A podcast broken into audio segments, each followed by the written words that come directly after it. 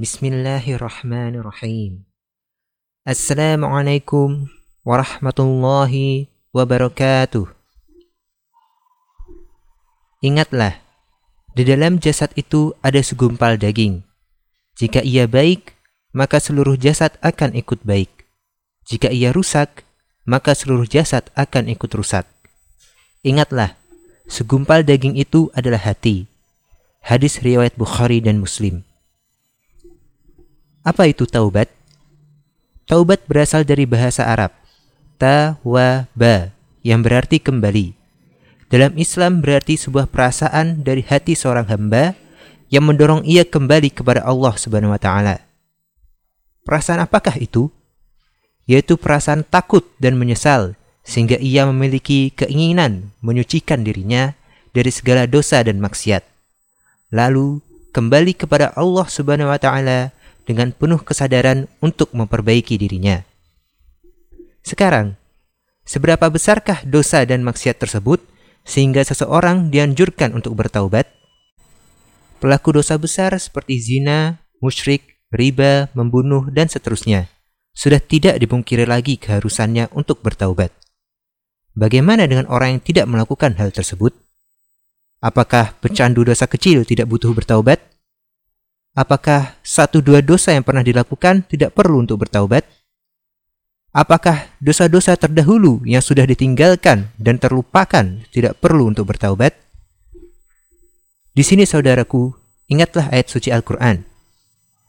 Barang siapa yang mengerjakan kebaikan sekecil apa pun, niscaya dia akan melihat balasannya.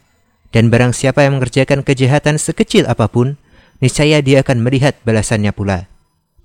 Surat Al-Zalzalah ayat 7 dan 8. Dan taubat menjadi pilihan pertama dalam upaya mengobati hati. Karena dosa-dosa yang pernah kita buat menimbulkan noda hitam yang menjadi sebab terhalangnya kita untuk mendapat petunjuk, hidayah dan rahmat dari Allah Subhanahu wa taala. Dalam bahasan ini, saya akan mengajak pendengar untuk bertaubat bagi pelaku dosa besar dan dosa kecil.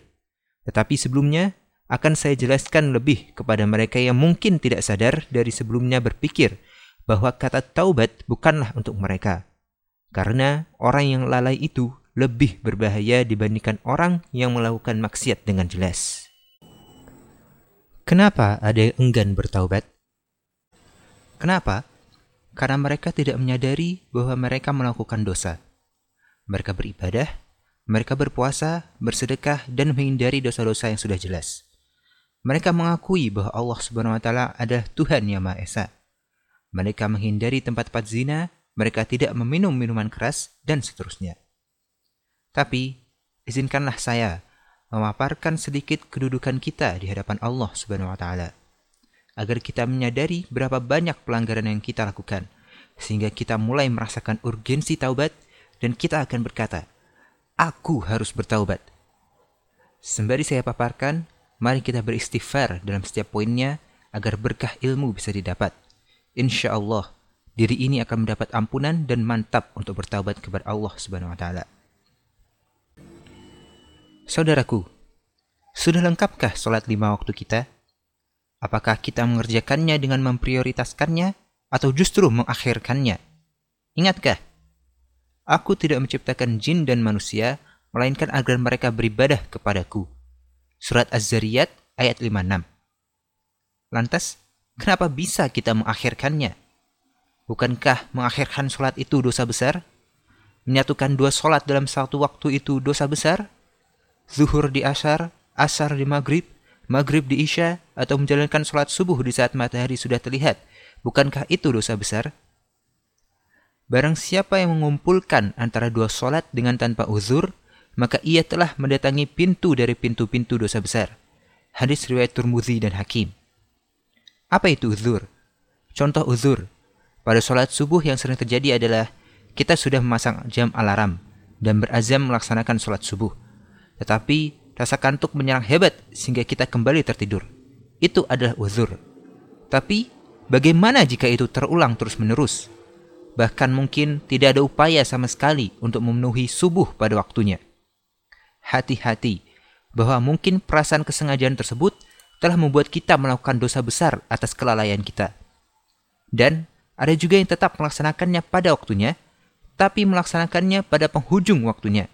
10 menit sebelum sholat berikutnya, 15 menit atau mungkin 5 menit.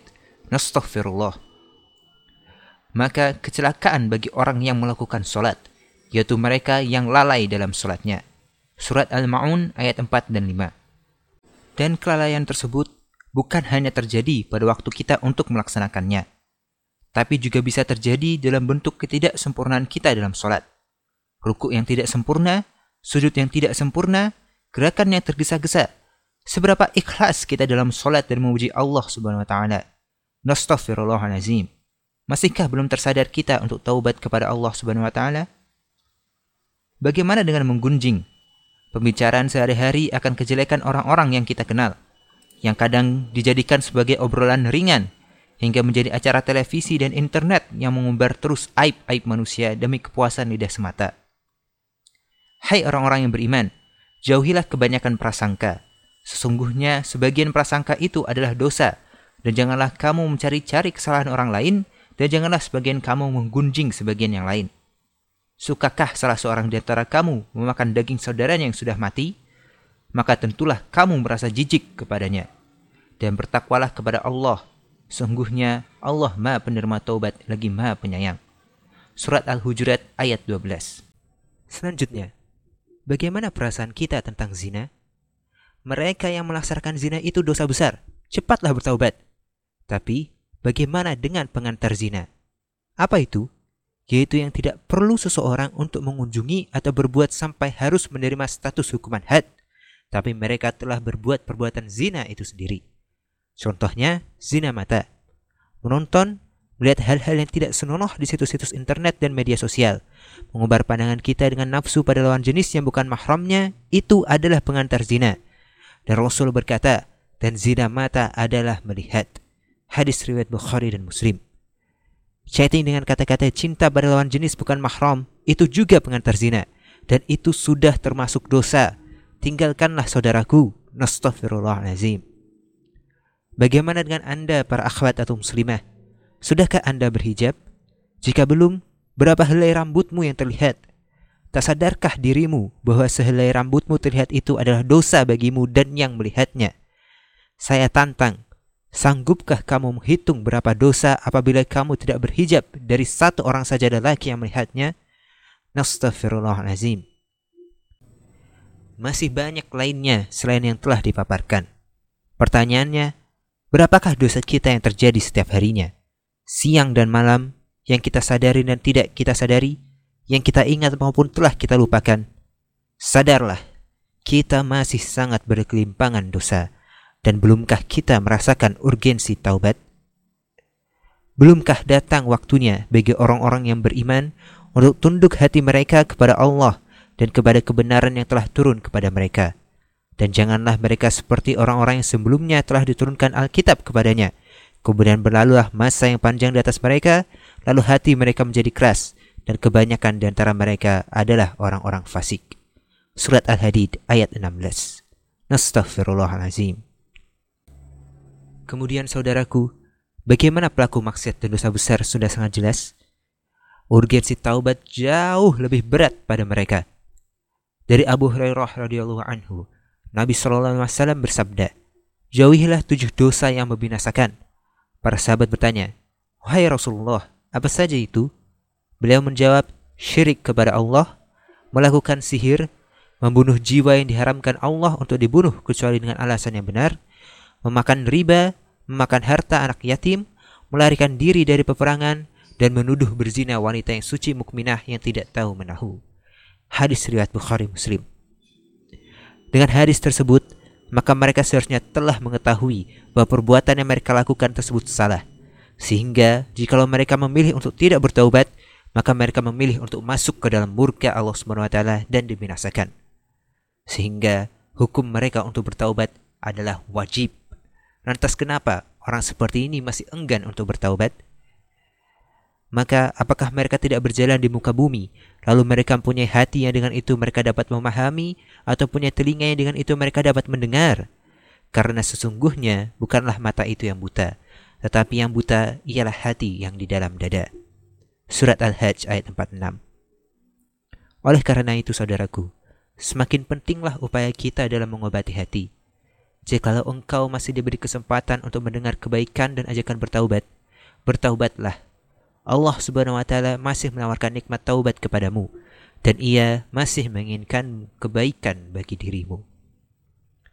Terakhir akan kita tutup dengan surat Az-Zumar ayat 53 sampai 58.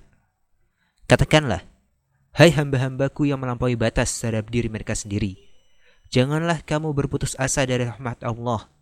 Sesungguhnya Allah mengampuni dosa-dosa semuanya. Sesungguhnya dialah yang maha pengampun lagi maha penyayang. Dan kembalilah kamu kepada Tuhanmu dan berserah dirilah kepadanya sebelum datang azab kepadamu, kemudian kamu tidak dapat ditolong lagi dan ikutilah sebaik-baik apa yang telah ia turunkan kepadamu dari Tuhanmu sebelum datang azab kepadamu dengan tiba-tiba, sedang kamu tidak menyadarinya. Supaya jangan ada orang yang mengatakan, amat besar penyesalanku atas kelalaianku dalam menunaikan kewajiban terhadap Allah, sedang aku sesungguhnya termasuk orang-orang yang memperolok-olokkan agama Allah. Atau supaya jangan ada yang berkata, kalau sekiranya Allah memberi petunjuk kepadaku, tentulah aku termasuk orang-orang yang bertakwa. Atau supaya jangan ada yang berkata ketika ia melihat azab, kalau sekiranya aku dapat kembali ke dunia, niscaya aku akan termasuk orang-orang berbuat baik. نستغفر الله العظيم.